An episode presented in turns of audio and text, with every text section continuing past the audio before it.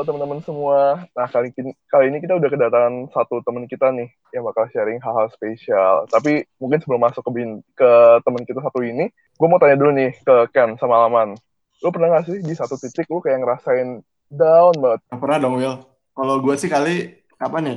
Mungkin paling deket tuh kemarin sih, waktu masa-masa baru gue adaptasi masuk ke kerjaan.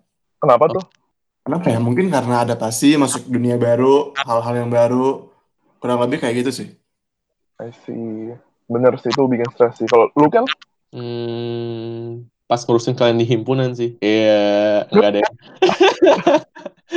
enggak enggak um, pas pas pas kerjaan sih. Gue juga waktu itu itu yang masa menurut gue paling down banget. Kayak kenapa apa ya ada satu masa gue lagi emang gue juga ngerasa kayak nggak lumayan nggak perform banget. Terus gue kayak ngerasa kenapa gue jadi kayak cupu cupu banget gitu ya lakuin apa apa pun tuh kayak salah gitu belum benar gitu. Nah itu sih paling yang pada itu gue lagi down bangetnya di sana gitu. Hmm. lu kan lu nanya-nanya kita lu nggak jawab sendiri? Sebenarnya nggak beda jauh sih sama kalian. Di mana kayak pernah waktu itu gue intern kayak ngerasa pertama kali masuk kayak dikasih apa pun dikasih banyak batu tulis kerjaan tiba-tiba wah anjir kok kayaknya gue nggak ada ngerti apa-apa ya? Gitu.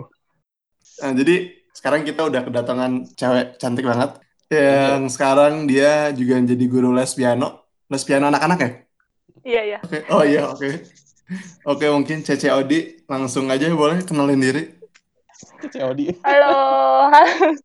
ya, halo semuanya. Hai Ken, hai Will, hai Man. Uh, gue ya tadi udah disebut juga kan nama gue Audrey, biasa dipanggilnya Odi. Ya kalau umur ya samalah sama kalian semua karena kita kan kenal di kampus yang sama kita main ya seangkatan lah kalau usia ya nggak nggak beda jauh. Terus sekarang kesibukan gue ya tadi udah disebutin juga sama Alman gue ngajar musik sih sebenarnya lebih ke musik buat anak-anak sih paling tua juga SMP gitu. Ya hmm. begitu hmm. kehidupan gue sekarang. Jadi kalau gue mau daftar nggak boleh dong? Boleh sih boleh banget. Boleh banget cuman ntar kan biasanya kalau sekolah musik itu dia punya satu apa ya kayak satu event annual concert gitu semuanya ini tampil. Jadi paling ntar lu tinggi sendiri gitu man. Nggak apa-apa sih kalau lu nggak apa-apa sih gue nggak terlalu tinggi. Gue nggak terlalu tinggi kok. lu main ini oh iya oh iya iya iya. Lu mainnya ini man. Triangle manting iya anak kecil anak kecil mainnya triangle. Les piano. musik, musik juga kok man. Musik justru yang anak kelas anak umur 4 tahun gitu kan nggak bisa piano kan? Belum bisa lah jadi mereka kayak main triangle triangle gitu. Jadi lo kalau lo mau main triangle nggak apa-apa sih, bisa bisa. Cocok banget sih man, cocok banget. cocok banget. Ngiringin musik man, ya. Gak apa-apa lah dia, selama lo yang ngajarin mah. Oh, siap, siap. Ayo, kita 24/7 nih zaman kita main triangle. Mantul. Lanjut, lanjut. Lanjut. Oke, okay. hmm. jadi tadi mungkin kita udah buka ya dan dia sama Willy tuh ya awal udah buka kan kayak hardest time in life kita tuh kapan gitu kan. Nah, kayaknya hmm. mengenal lu nih kayak maybe lu tadi jawaban gua Willy sama Alman tuh sama gitu kan rata-rata di masalah pekerjaan awal-awal gitu. Nah, maybe kayaknya lu punya sebuah cerita yang berbeda dan perspektif yang berbeda yang mungkin gak dialamin semua orang nih gitu. Nah, karena itu boleh nggak cerita dulu nih di sebenarnya apa aja sih yang lu alamin gitu dalam dua tahun hmm. terakhir? Hmm, hmm. Oke, okay, khususnya dua tahun terakhir ya. Dua tahun terakhir berarti itu kira-kira satu setengah tahun sebelum gue lulus kuliah. Mm-hmm. Berarti itu zaman zamannya gue masih kuliah tuh. Time timelinenya 2018, 2019 sampai sekarang lah gitu ya, biar biar gampang ceritainnya. 2018 jadi ceritanya tuh gue mulai merasakan gangguan di daerah saluran pencernaan gue, organ pencernaan gue, khususnya lambung. Nah awalnya sih bilangnya sih sakit mah, sakit mah doang gitu. Jadi kan ya sakit mah tuh kayak penyakit sejuta umat gitu gak sih? Kayak aduh ya ampun sakit mah oh ya udahlah gitu kan. Minum promah atau minum obat mah lainnya yang kayak antasida atau apa kayak ya udah sembuh gitu kan. Hmm. jadi waktu pertama kali gue dibilang oke okay, di uh, ini sakit lu sakit mah tapi nggak ada gue udah cek juga nggak ada bakteri berbahaya nggak ada bakteri apa apa ya udah nggak apa-apa sakit mah gue kayak oh ya udahlah sakit mah doang gitu kan. Tapi dari 2018 awal itu sakit mah kan biasa kan gangguannya kan makan mual makan cepet kenyang ya kayak gitu kan kan. Kalau makan tuh perutnya nggak nyaman jadi dari porsi makan juga berkurang. Tapi dari situ gue jalanin seminggu dua minggu lo kok nggak berkurang ininya? Apa gejala dan gangguan itu sama sekali nggak berkurang?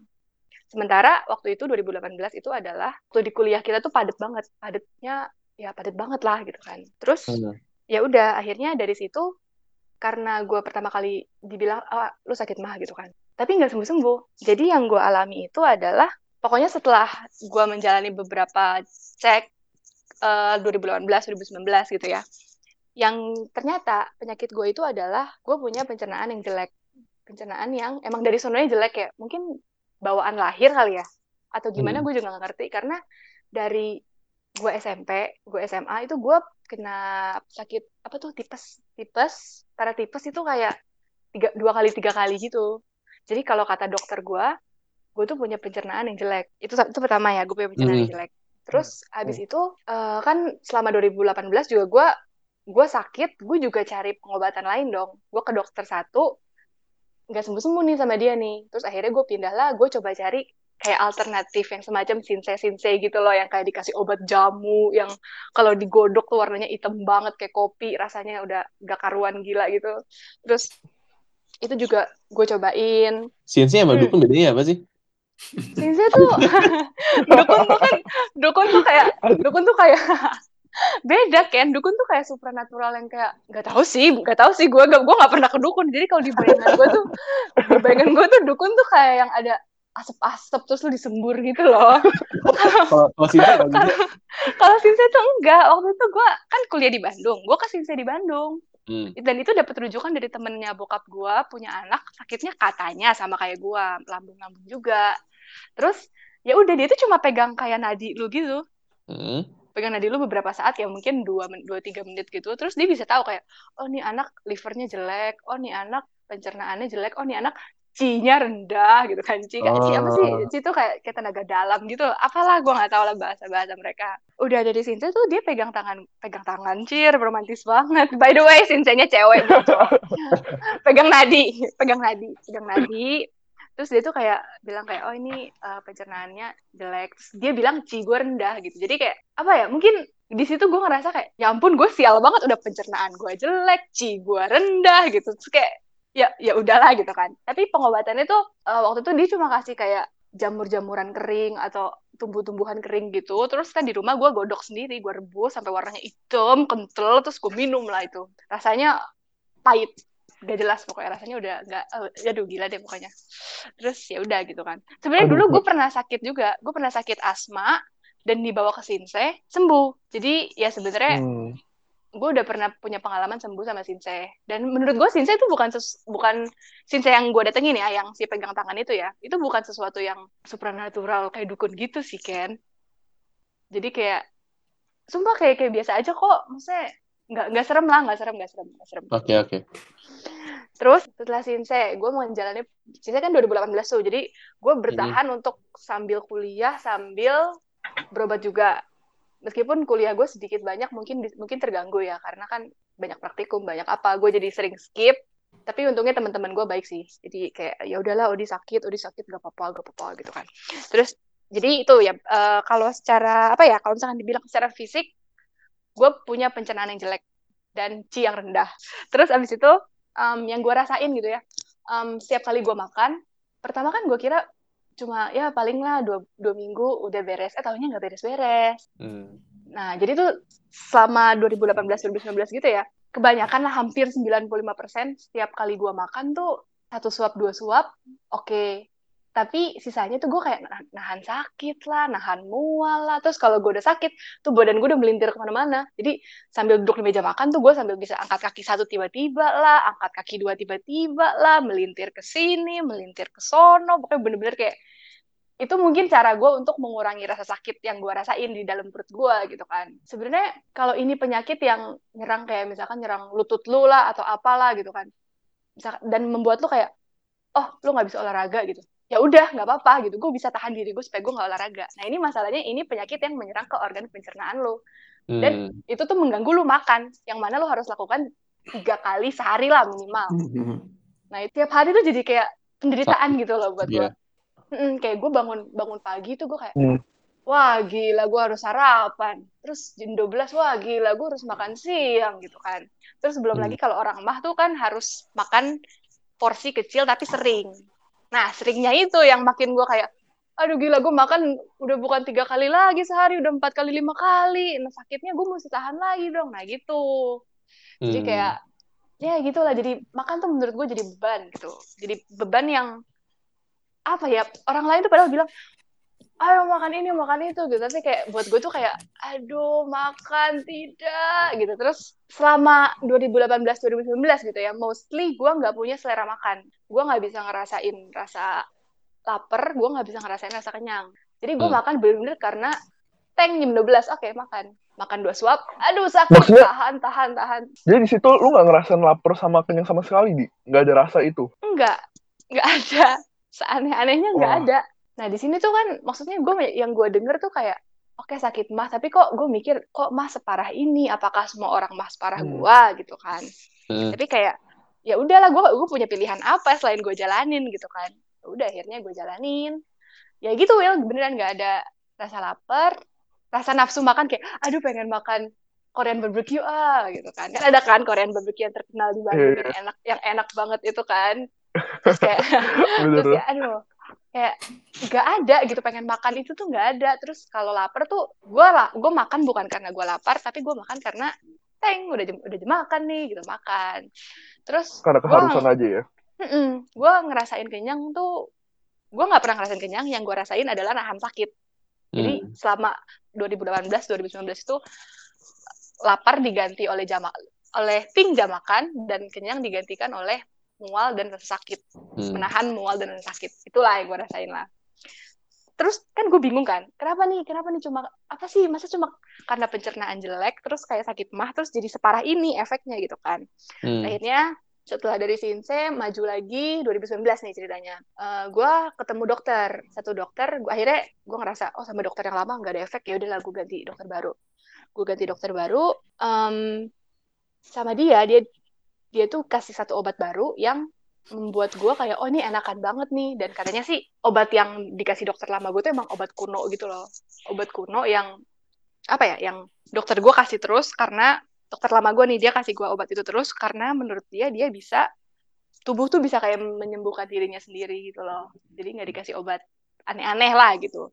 Terus gue datang ke dokter baru nah barulah dikasih obat baru ini. Obat ini tuh menurut gue sih manjur banget karena gue langsung ngerasa kayak wow kayak gitulah kayak tubuh gue berteriak wow gitu. Terus abis Hmm. itu ya udah gitu karena itu obat enakan banget gue makan ya mendingan lah kalau misalkan selama ini makan gue nilainya tiga gitu sekarang tuh naik lah jadi empat. Pokoknya mendingan mendingan mendingan mendingan gitu kan. Tapi di situ gue sekalian lah sekalian di dokter gue lakuin endoskopi yang masukin kamera ke dalam lambung itu dari dari mulut. Gue endoskopi lu lu di bioskop man Gue membayangkannya aja udah uh, lu di bius dan rasanya enak banget. Itu bukan rasanya enak banget sih. Enak soalnya banget. soalnya lu lu dikasih ini lu dikasih apa? Dikasih obat penenang gitu loh. Jadi lu kayak tidur aja. Lu nggak nya- Tidur. lu nggak sadar di situ. Jadi bi- bius total, Di. iya iya bius total. Bius total. Jadi lu kayak kayak gue inget banget kan. Gue disuntikin itu ob- suntikin si obat penenangnya terus abis itu dia bilang ya hitung mundur ya. Eh, eh kita berdoa dulu ya kita berdoa gitu ya. Terus, ya udah gue berdoa kan gue berdoa kayak Tuhan Yesus. Dah hilang langsung bener-bener kayak langsung. Bener-bener hilang langsung. Bener hilang langsung kayak sumpah aduh bener-bener itu aduh. Gue endoskopi sebenarnya udah dua kali sih udah dua kali endoskopi. Yang Oh. pertama tuh yang pertama gue hilangnya pas pas ngomong Tuhan Yesus gue hilang hilang Oh. gue langsung kayak padahal ngomong Tuhan Yesus saya mau endoskopi gitu kan. Harusnya tapi di Tuhan Yesus gue udah dok udah hilang udah kayak hilang hilang. Terus yang kedua kali gue endoskopi si dokternya tuh nyuruh ngomong eh suruh ini eh eh, kita siap-siap ya kamu kamu hitung mundur 10 sampai satu gitu kan. Nah ini yang kedua kali endoskopi gue kayak oh dia harus bertahan lebih lebih lama gitu kan. Daripada cuma ngomong Tuhan Yesus hilang gitu. Ya udah gue coba gue gue tahan tahanin gitu. Gue coba kayak 10 sembilan. Hilang gue hilang di lima atau di empat gitu deh kalau nggak salah Malah jadi Tapi- challenge ya. Iya malah jadi challenge. Dan itu kayak karena mungkin lu dikasih obat penenang gitu ya. Jadi kayak tentang banget gitu. Hidup lu tuh tenang banget. Kayak itu tidur paling nyenyak gua. Tapi berasa kayak cuma sedetik doang gitu loh. Kayak sedetik terus kayak lu langsung bangun lagi. Terus kayak ah kenapa nggak lamaan gitu. Tapi sebenarnya nggak boleh sih. sebenarnya nggak boleh sih. Tapi itu beneran enak banget. Supaya enak banget. Hmm. tapi nggak nggak jangan sampai jangan sampai jangan sampai amit amit jangan sampai. Bahaya ini. Amit amit. Iya jangan. Ini amit. untuk bin nih bin Indonesia tolong ini ditangkap. Sumpah lu harus nggak nggak sih nggak. Jangan jangan coba endoskopi. Tapi itulah testimoni gue mengenai endoskopi. Nah terus abis itu hasil hasil endoskopinya dia tuh bilang gue nggak tahu ya. Maksudnya gue juga nggak ngerti-ngerti banget istilah kedokteran atau apa tapi setangkep gue nih setangkep gue ada lah saluran yang mengeluarkan asam lambung di dalam lambung kita. Nah saluran gue itu tidak seperti orang lain pada umumnya. Kalau orang lain tuh bisa kayak oh dia tahu kapan dia harus nutup kapan harus buka kapan harus nutup kapan harus buka gitu kan. Nah kalau gue tuh cenderung ngebuka terus. Jadi tuh asam lambung tuh kayak sur sur keluar terus gitu. Hmm. ceritanya. Sedangkan kan asam lambung itu kalau kebanyakan bisa melukai dinding lambung lu gitu kan. Nah itu. Jadi gue punya masalah di organ lambung gue sendiri fungsional lah kerusakan lambung tuh ada fungsional sama organik kalau organik tuh organnya yang rusak kalau fungsional tuh fungsinya yang rusak Nah, kalau fungsional tuh gue udah termasuk dua-duanya. Pertama fungsional karena fungsi gue kan gak bener kan untuk si salurannya ngebuka tutupnya udah senak jidat dia kan. Mm-hmm. Terus kedua itu organik karena lambung gue tuh udah dinding lambung gue tuh udah terkikis sama asam lambung yang keluar-keluar terus itu. Gitu ceritanya sedikit edukasi aja ya. Terus abis itu jalan jalan 2019 2019 tuh adalah tahun di mana gue keluar masuk rumah sakit paling banyak. Ya iya paling banyak. Gue 2019 tuh keluar masuk rumah sakit itu lima kali. Lima kali. Iya lima kali. Lima kali singkat gue. Dan di saat gue bolak-balik masuk rumah sakit itu, kalau analisa gue sih mungkin karena gue udah ganti obat nih. Gue ganti obat yang gue bisa merasakan, oh ini lebih enak. Jadi ketika gue merasakan yang tidak enak, gue kayak, apa ya, jadi kayak, aduh lebih gue udah pernah ngerasain yang lebih enak kok ini sakit banget gitu loh. Sementara 2018 kan gue masa stagnan gitu. Nggak enak nggak enaknya tuh stagnan. Sementara 2019 gue udah kayak oh gue udah ngerasain yang enak nih. Jadi ketika gue nggak enak sekali gue kayak langsung aduh kok nggak enak sih? Gitu kan badan gue terus abis itu 2019 tuh masalahnya gue masuk rumah sakit karena nggak ada makanan yang bisa masuk ke, ke perut gue ke, ke perut gue tuh nggak ada yang bisa masuk makanan. Jadi setiap masuk tahan tahan sakit keluar tahan keluar tuh maksudnya muntah ya. Terus ya udah jadi kayak hmm. nggak hmm. ada yang bisa masuk ya udah nggak ada pilihan lain selain diinfus masuk rumah sakit gitu. Karena gue udah tahan kayak misalkan dua hari gitu ya. Udah muntah-muntah terus. Nggak sama sama sekali nggak ada yang bisa masuk badan gue. Jadi kayak ya udah masuk rumah sakit infus. Kasih misalkan kasih obat pengurang rasa nyeri sedikit terus ya udah makan bisa. Kayak gitu. Nah terus karena sering masuk rumah sakit ini gue nanya nih. Eh maksudnya bokap gue nanya gue juga bertanya-tanya sih cuman diwakilkan sama bokap gue ke dokternya dia nanya apakah si dokter ini pernah mengalami pasien yang kayak gue yang kayak bolak-balik itu parah banget gitu loh sementara dari hasil endoskopi gue gue kan juga melakukan endoskopi USG, CT scan, MRI segala macam kan. Nah itu tuh nggak ada gangguan yang sampai hebat banget sampai harus masuk rumah sakit setahun lima kali gitu. Nah akhirnya kata si dokter sebenarnya saya jarang sih nemuin pasien yang kayak gini. Mungkin nggak nggak mungkin kalau lambung gua ini, lambung Odi ini adalah lambung yang oversensitif. Nah, mungkin itu alasan alasannya kenapa gangguan sedikit aja bisa membuat gua kayak sakitnya tuh sakit hebat banget gitu. Jadi kayak gua nggak kuat, oke okay, langsung rumah sakit. Gua nggak kuat, oke okay, langsung rumah sakit kayak gitulah. Hmm. Itu sih kalau misalkan apa ya yang terjadi di fisik gua ya. Ya, gua nggak tahu sih. Sampai gue bingung apakah maksudnya ini kan judulnya sakit mah gitu ya judulnya hmm. sakit mah tapi gue bingung apakah orang lain yang sakit mah tuh kayak gue tapi jujur yang gue alamin tuh maksudnya sakit banget. Sakit dan itu tuh continuously gitu loh setiap hari gue harus rasain. Parah juga ya maksud kalau kayak gitu ilmunya start dari 2018 sampai 2019 artinya cukup udah selama dua tahun ya di lu. Nah kalau misalkan itu kan udah nyerang di fisik lu selama dua tahun di. Hmm. ada impact ke mental lu nggak di? Karena penyakit yang cukup lama. Tentu banyak kalau ke apa ke mental gue lah ya ke mental gue gue tuh pertama emang adalah orang yang gampang stres. Gampang stres dan apa ya kayak hal-hal kecil aja bisa gue kayak bisa gue pikirin yang sampai gede gitu loh ya. Kayak misalkan temen gue mau datang ke Jakarta gitu. Misalkan temen gue dari Surabaya mau datang ke Jakarta. Gue tuh bisa mikir kayak aduh ntar ajak dia ke mana ya? Aduh ntar ajak dia makan ke mana jalan-jalan ke mana ya? Gitu. Padahal kan ya ya udahlah di gak usah dipikirin sampai segitunya gitu loh. Tapi gue tuh kayak gue suka memikirkan hal-hal yang belum tentu terjadi dan membesarkan hal-hal yang kecil. Nah si lambung ini apa ya keluarnya asam lambung ini tuh sering kali dipicu sama stres lu tingkat stres lu. Kalau misalkan lu stres nah si asam lambung ini bakal nyemprot lebih banyak nah hmm. jadi mungkin menurut gue itu berkesinambungan juga sih makanya banyak orang yang sakit lambung disertai juga sama anxiety anxiety itu kayak rasa cemas berlebihan kayak gitulah kayak yang ya ya otak lu lah yang nggak bener lah otak lu mikirnya kayak ke mana-mana lu mikir gampang cemas gampang takut gampang apalah segala macem kayak gitu nah kalau di kepala gue tuh emang gue adalah orang yang udah stres, udah cemas, anxiety. Nah, kayak gitu. Terus karena gue makan tuh ya 2018-2019, gue tuh makan gak pernah bener kan. Gue makan gak pernah bener. Jadi tuh gimana ya? Mungkin awal-awal gue kayak, gue bisa terima gitu. Kayak, oh oke, okay, ini proses penyembuhan gue gitu. Tapi seiring berjalannya waktu, lah kok gak sembuh-sembuh ya? Gue tuh jadi kayak, kayak tertanam di otak gue kalau setiap makan adalah sakit makan sama dengan penderitaan gitu jadi jadi mungkin udah ketanam aja gitu di otak gue kalau gue makan tuh kayak aduh bakal sakit nih aduh bakal hmm. sakit hmm. nih aduh gue bakal mual nih aduh gue bakal muntah nih hmm. kayak gitu nah, padahal sebetulnya lu gak sakit-sakit juga gitu ya itu gue nggak tahu man nah itu gue nggak tahu soalnya soalnya sakitnya tuh kayak udah kayak udah sepaket gitu man sakitnya hmm.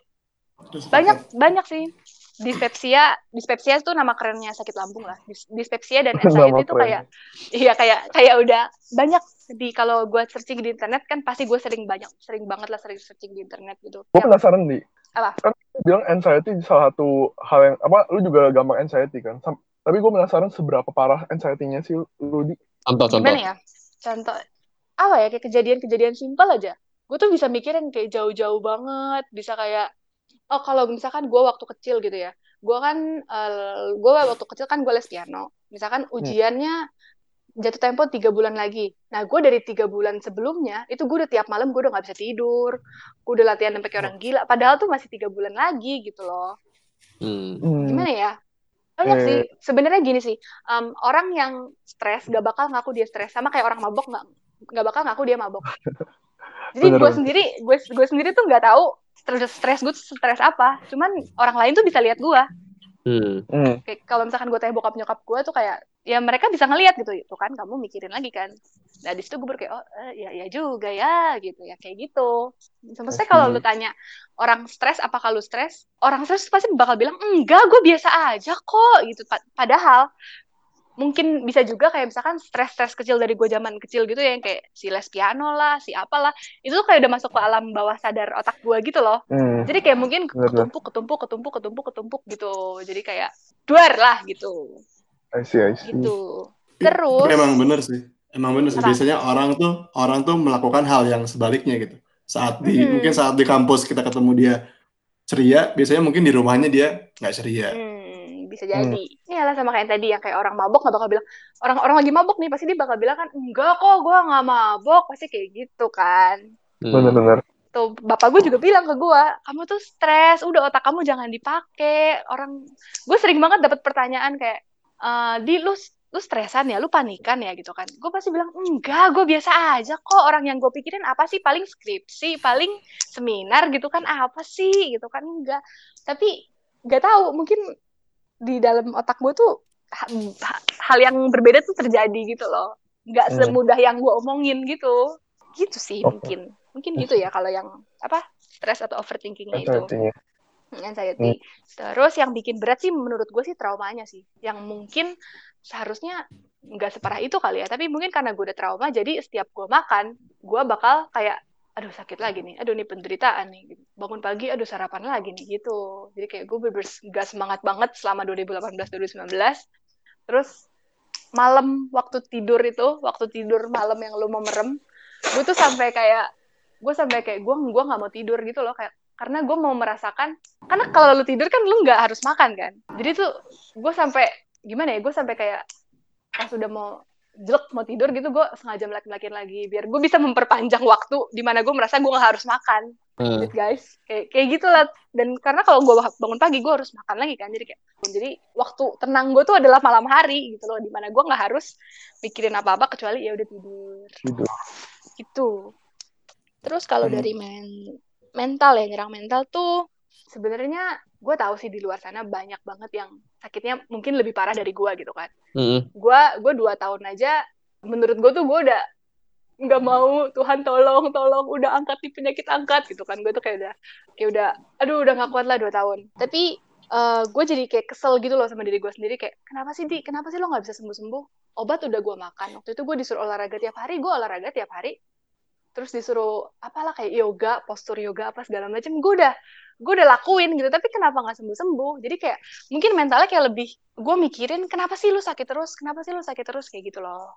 Kayak gue nyerang diri gue sendiri gitu kayak gue lebih questioning myself apakah ini sakitnya tuh bener, lu beneran sakit yang parah atau sakit itu lu bikin-bikin sendiri? Gue sampai mempertanyakan ke diri gue sendiri apakah gue bener-bener sakit yang parah atau emang gue lemah aja gitu emang gue lemah jadi kayak gue dikasih sakit sedikit kayak gue langsung masuk rumah sakit langsung terkapar gitu hmm. kayak ya kayak gitu. Gue jadi lebih ke mempertanyakan diri gue sendiri dan gue jadi sebel gitu sama diri gue sendiri kayak apaan sih di? Kok lu lemah banget? Kok lu gini banget? Gitu lah terus abis itu karena jam makan yang strict gitu ya misalnya misalkan jam 8 jam 12 jam 4 jam 8 gitu kan harus makan lagi gue tuh jadi ngerasa gue tuh terbatas banget. Dan makanannya tuh kan harus dijaga ya harus maksudnya uh, gue juga gue juga takut gitu makan makan di luar. Karena nggak tahu kebersihannya gimana nggak tahu dia pakai bumbu apa. Kan gue kan nggak boleh nggak boleh makan yang terlalu menusuk kan kayak santan atau merica gitu. Banyak banyak gue tuh nggak boleh. Terus jadi uh, gue terbatas makannya jadi kayak mm, gue harus dibekelin dari rumah gitulah. Gue harus make sure kalau semua yang masuk ke perut gue adalah makanan yang steril yang bersih yang sesuai dengan perut gue. Hmm. Jadi gue kayak ngerasa terbatas banget kayak misalkan jam 8. Gue mau kegiatan kampus jam 10. Oh, berarti harus sebelum jam sebelum jam sebelum jam 10 gue harus udah makan dan sebelum jam 12 gue udah harus pulang untuk makan gitu. Jadi gue kayak ngerasa terbatas banget gitu loh kayak oh gue mau ngelakuin ini, eits tidak bisa ada jam makan. Gue mau ngelakuin ini jam segini, eits nggak bisa harus snack gitu kayak gitu. Jadi kayak mungkin mentalnya jadi terbatas gitu loh kayak gue mau melakukan apa pun tuh jadi hmm. terbatas hmm. aja. Jadi kayak nggak bisa bebas kalau lu kan dari tadi ngomong makan makan terus, apalagi pas zaman kuliah gitu. Kalau gua gitu ya, pas zaman kuliah tuh momen paling seru tuh adalah pas makan bareng sama teman-teman gitu. Di mana hmm, hmm, di masa kuliah tuh kalau lu nggak ya kayak hangout tuh ya makan bareng gitu. Tapi iya benar. Berarti banyak banget dong momen-momen yang lu hilangin kayak atau gimana sih lu hmm. makan ikut makan tapi nggak makan atau lu malah bahkan sampai skip gitu? Gue paling sering skip, paling sering gue skip paling kalau gue bawa bekal tuh gue ya bisa dihitung jari gitulah sedih banget ya kalau dipikir-pikir ya kalau di kalau di flashback gitu kayak paling sering gue skip. Pokoknya apa ya kayak bilang aduh gue mesti pulang gue mesti makan. Itu udah kayak jadi tameng udah jadi kayak tameng gue lah. Kalau misalkan di sini yuk. Gue pasti udah udah jadi tameng. Aduh nggak bisa gue mesti makan nih. Perut gue gak enak. Nah, itu udah hmm. itu udah template banget lah udah template banget template odi banget. Kalau misalkan ada yang ngajak sabut ke mana pasti gue bakal jawab hmm. dengan aduh gue nggak bisa gue nggak bisa gue nggak bisa gitu. Padahal lah ya itu juga gitu kan. Kalau misalkan mental gue ya itu gue jadi kayak sebelum diri gue sendiri kayak apaan sih gue cuma mau cabut sama temen gue nggak nggak bisa? Ya itu ya itu hmm. jadi jadi kayak gue makin kesel lagi sama diri gue sendiri. Belum lagi kayak hmm. itu satu urusan makan gitu kan. Dua misalkan urusan kayak misalkan gue mau ikut proker ini gue mau ikut proker itu kayak ya gak bisa karena gue gue memikir gue tuh kayak terbatas banget. Gue takut karena keterbatasan gue gue bakal mengganggu orang-orang yang kerja sama gue hmm, jadi gue yeah, memutus yeah. gue gue memutuskan untuk oh ya deh gue nggak dulu gue skip dulu gitu. Hmm, hmm. ya itu kan baru waktu zaman kuliah. Tapi kalau hmm. ya mungkin secara overall lah yang lu hilang banget gitu momen apa sih menurut lu gara-gara penyakit ini? Contoh misalkan gue udah merencanakan gue mau lulus tiga setengah tahun. Gue udah ambil SKS di semester awal tuh banyak banget. Dan ya udah karena udah semester semester itu mulai 2018 kan tuh udah semester semester mulai nyari nyari nyari topik lah nyari nyari apa lah. Nah gue tuh nggak bisa. Karena gue pulang kuliah itu gue harus bener, pulang balik makan. Balik habis beres makan gue balik lagi ke kampus kelas lagi terus gue balik lagi snack. Ya pokoknya simpel itulah. Jadi kayak gue nggak punya waktu buat nyari topik nyari dosbing itu gue udah nggak bisa. Jadi yang hmm. tadinya gue mau tiga setengah gue nggak bisa. Terus gue ngelihat teman-teman gue student exchange gila keren banget ya pengen gue ya. Tapi kayak kalau gue student exchange apakah makanan di tempat negara tujuan nanti tuh bakal sesuai sama perut gue nah itu kan Will. itu gue udah mikir lagi gitu kan. Udah kayak Will jawab tuh Will. Nih yang student exchange ini nih. William salah satunya yang student exchange. Nah. sih emang tipe makanan negara lain dan negara kita tuh beda banget kan emang iya, pasti kan? juga sih itu PR-nya hmm. Hmm, nah itu itu gue juga mikirin itu jadi kayak pengen sih student exchange kayaknya keren gitu ya. At least kalau gue nggak tiga setengah, gue student exchange lah. Misalnya ada yang bisa gue banggain gitu. Tapi nggak bisa juga karena gue memilih untuk hmm. ya udahlah daripada gue uh, apa ya daripada gue take a risk gitu, mendingan gue ya udah ya udah gue main aman aja gitu kan. Jadi itulah. Terus gue lihat teman-teman gue ikut lomba segala macam. Nah itu kan keren banget kan kayak, weh gila menang lomba ini itu. Terus kayak fotonya dipajang di Instagram Unpar gitu kan kayak pengen juga tapi kayak hmm. ya gue tahu persiapan lomba itu nggak gampang kan jadi kayak hmm. ya gitu hmm. oh terus gue juga bisa kambuh kalau gue ke kecapean jadi misalkan gue makan oke okay, fine fine aja tapi kalau misalkan gue kecapean itu bisa kambuh nah ya jadi itu kan zong banget ya gimana caranya gue mau persiapan lomba kalau gue nggak capek gitu kan gimana yeah. caranya gue mau aktif aktif proker kalau gue nggak capek gitu kan ya kan nggak yang nggak bisa gitu makanya jadi hmm. banyak lah tapi terus, tapi at least lo udah bercoba, udah mencoba seusaha lo kan maksudnya. Bukan bukan maksudnya yeah. ada proker tapi lu cuma takut doang gitu. Tapi lu emang juga udah usaha, ya gue emang gitu sih gue udah gak bisa lanjut lagi lah gitu. Udah, udah. Itu gue pernah ikut satu proker, satu proker dan gue bener-bener sama sekali nggak bisa. Maksudnya gue udah apa ya? Gue udah mencoba sebisa gue. Had, misalkan sesimpel hadir di rapat aja, gue inget banget pulang rapat tuh gue muntah waktu itu. Gue nggak tahu hmm. tuh rapat ada setannya apa gimana tapi pulang rapat gue muntah bener langsung muntah terus kayak langsung ya gue sebenarnya gue mencoba sih gue mencoba untuk hadir di setiap rapat untung waktu itu posisi gue sekretaris ya jadi kayak nggak harus melakukan banyak kali ya tapi ya nggak nggak gitu juga sih tapi nggak harus di lapangan kalau gimana sih kalau sekretaris tuh ya lebih yeah, yeah. ke administrasi gituan kan kalau sekretaris dan tiada lah ya ada dan tiada ya gitulah tapi maksudnya gue udah coba gitu waktu itu gue ada di proker yeah, dengan yeah. posisi gue tuh sebagai sekretaris dan hmm. gak bisa Sumpah, gue gak kerja, gue gak, gue, gue gak kerja apa-apa. Hmm. Prokernya proker William juga nih. Iya, proker William juga. William juga. ini kayaknya, ini kayaknya kalian cocok nih sebenarnya dipikir-pikir ya. Lu kenapa sih, Will? Bener-bener ya nih. Aduh. Juga gue. Wah, Malah diciein. Ya, oh, itu berarti William setannya di gimana sih, Di? Oh, gue gue penyebabnya sebenarnya. Oh iya nih. Oh iya ada lagi Will, ada lagi. Ada lagi. Oh, ntar, ntar, ntar, ntar ada lagi satu lagi nih. Ntar. Oh, iya. Terus habis itu gue juga karena gue sakit yang gak sembuh-sembuh ini, gue tetap kayak nyalahin diri gue sendiri. Lebih ke gue lebih ke kasihan sama orang tua gitu loh kayak kenapa sih orang tua gue mesti dapat anak kayak gue? Kenapa sih orang tua gue mesti kayak maksudnya bokap gue masih harus cari kerja, nyokap gue masih harus ngurusin rumah gitu kan. Malah waktu 2018 2019 itu nyokap nyokap gue datang ke kampus buat buat ini apa buat ngurusin gue hmm. jadi gue kayak apa sih? Kenapa sih Odi? Ya ampun menyusahin orang tua banget. Jadi kayak apa sih? Gue gue tuh hidup jadi kayak ngerasa gue beban buat orang lain. Jadi kayak ngebatin ke diri gue sendiri gitu loh.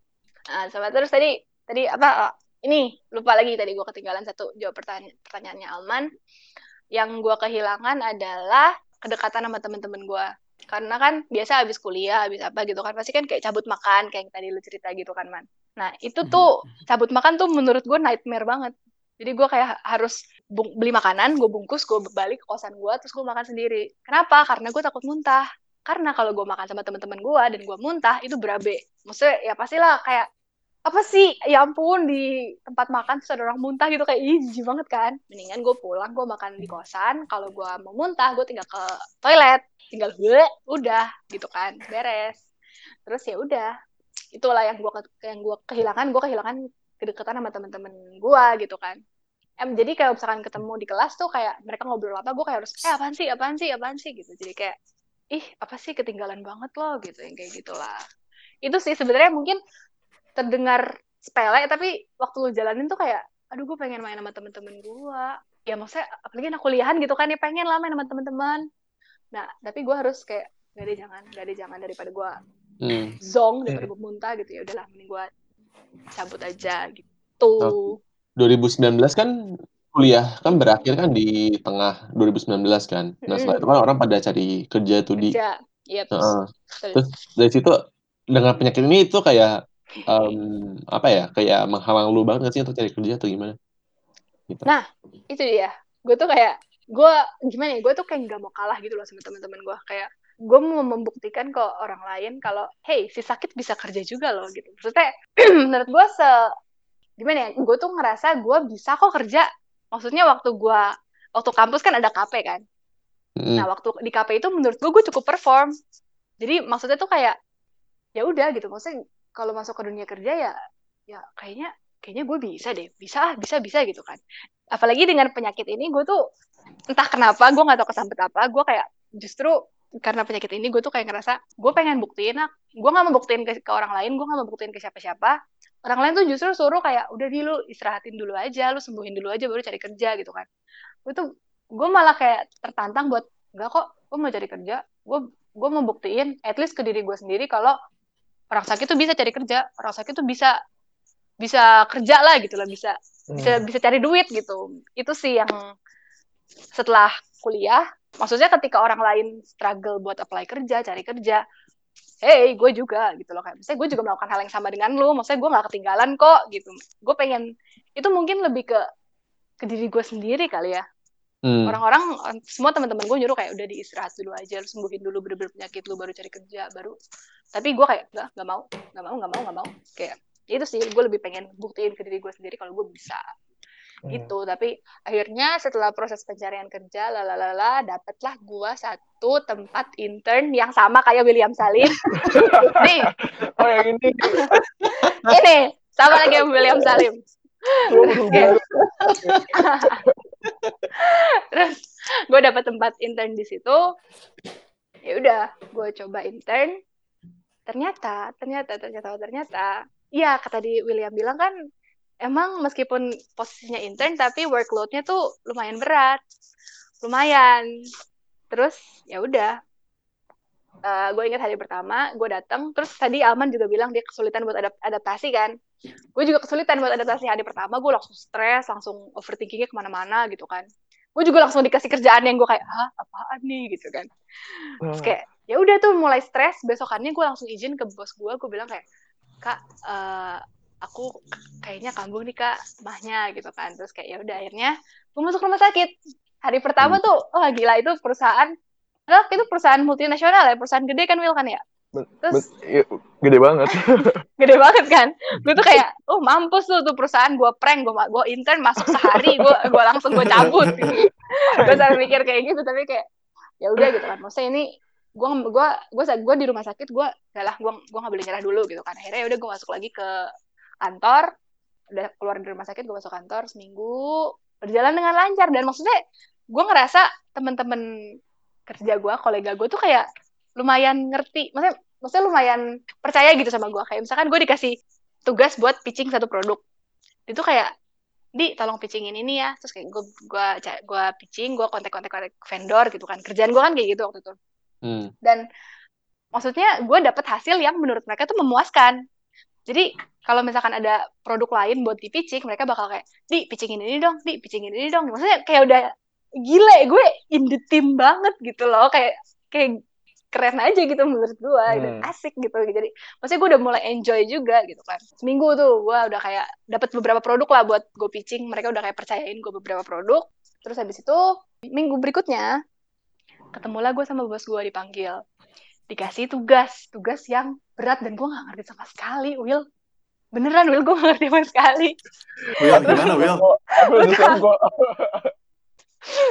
terus kayak ya udah akhirnya gue kayak iya iyain aja kan. Tapi di situ gue tuh udah mulai udah mulai nggak enak. Maksudnya udah mulai kayak nggak enak udah mual-mual. Bahkan sambil di briefing sama bos gue di situ gue tuh sambil kayak nahan muntah sambil kayak uh, uh, kayak gitu loh. Tapi dia kayak keep it professional aja gitu. Jadi kayak dia tetap jelasin. Padahal gue yakin pasti dia tuh tahu. Dia tuh tahu gue udah nahan muntah kayak udah mau apa gitu. Pasti dia tahu banget. Cuma dia kayak ya udah. Kayak act like nothing happen gitu. Kayak ya udah. Dia cuma ngejelasin ngejelasin sementara gue udah tersiksa di situ akhirnya gue balik ke meja gue terus abis itu gue ini aneh banget gue muntah di meja gue ya ampun. Itu kayak mm -hmm. dan orang-orang gak ada yang sadar. Itu beneran itu nggak tahu gue yang keren bisa bisa menyembunyikannya atau atau apa ya atau kayak perputaran udara di kantor itu sebagus itu gitu sampai nggak ada sampai nggak ada bau-bau muntah gitu nggak ada gitu. Oke gila. Pokoknya itu gue bener-bener gue sampai meja terus gue muter-muter sedikit gitu ya nahan-nahan nahan cari-cari posisi aman gitu ya terus tiba-tiba langsung langsung kayak zong lah keluar semua langsung. Udah kayak bahkan temen sebelah gue kan intern juga kan hmm. dia dia nggak dia nggak sadar. Nggak tahu ya sehebat itu gue apa gedungnya nggak tahu. Pokoknya dia nggak sadar terus kayak ya udahlah. Habis itu setelah gue zong di situ gue kayak ke toilet terus gue kayak udahlah kayaknya kayaknya nggak bisa deh gue masuk di tim yang waktu itu ada satu orang yang maternity leave. Jadi hmm. gue tuh diharapkan untuk bisa menggantikan dia. Sementara gue ndot-ndotan gitu loh jalan. Mesti ya masa ya nggak mungkin lah gue masuk masuk kantor seminggu terus seminggu lagi gue libur masuk rumah sakit. Ya kan nggak mungkin hmm. maksudnya gue memperlambat tim gue banget gitu kan. Akhirnya ya udah gue bilang bilang lagi lah ke bos gue kak uh, kayaknya aku mau izin dulu. Dan waktu itu tuh beneran keadaan gue tuh tuh gue kayak udah mau pingsan gitu loh dan ternyata setelah gue cabut dari kantor kan gue langsung ke rumah sakit kan gue dicek emang waktu itu gue udah tipes hmm. waktu itu gue apa bareng-bareng selain si muntah-muntah itu ada tipes juga jadi makanya mungkin gue lemes banget kayak jalan-jalan dari tempat meeting sama bos gue ke meja gue tuh kayak kayak udah mau jatuh gitu kayak hmm. wah gila lah kayak kayak gitu okay, itu okay. sih akhirnya dari situ kayaknya gue pikir meskipun gue berhasil dapat kerja gitu ya gue gue mikir juga lah maksudnya mungkin ini bukan tempat gue kerja yang kayak 8 jam sehari itu bukan bukan porsinya gue, bukan kapasitasnya gue. Di situ gue mikir terus kayak ya udah akhirnya gue bikin surat resign ke HR sama ke bos gue. Gue bikin tuh akhirnya ya udah gue gue memutuskan untuk resign dari dari perusahaan itu. Padahal itu perusahaan yang keren banget ya ampun. Terus gue kayak gue sendiri mikir kayak masih bisa nggak sih dilanjutin? Masih bisa nggak sih dipertahanin? Tapi kayak ya udah deh kayaknya udah nggak bisa. Maksudnya gimana ya? Gue antara mau antara nggak mau menyerah dan harus jadi realistis gitu. Jadi kayak ya ya udahlah. Maksudnya di saat itu gue milih untuk jadi realistis aja gitu. Jadi kayak ya udah gue resign. Untungnya sebelum gue masuk ke kantor itu gue punya teman yang kenalin gue sama satu sekolah musik nah itulah hmm. sekolah musik yang gue kerja tempat gue kerja sekarang hmm. terus ya udah akhirnya gue kerja di situ sampai sekarang gue kerja di situ jadi full timer di situ di tempat musik sekolah musik ini yang hmm, alaman modal itu ya. Oh, iya. Tunggu ya mana ya? Let's triangle, Siap. let's triangle. Sorry. Siap. Iya. Oke, kita akan break dulu. Di mana ini juga akan menjadi akhir dari part 1. Buat teman-teman yang mau tahu nih lanjutannya apa aja sih yang Odi dapetin dari masa-masa susah kita dengerin ini, stay tune di part 2-nya ya.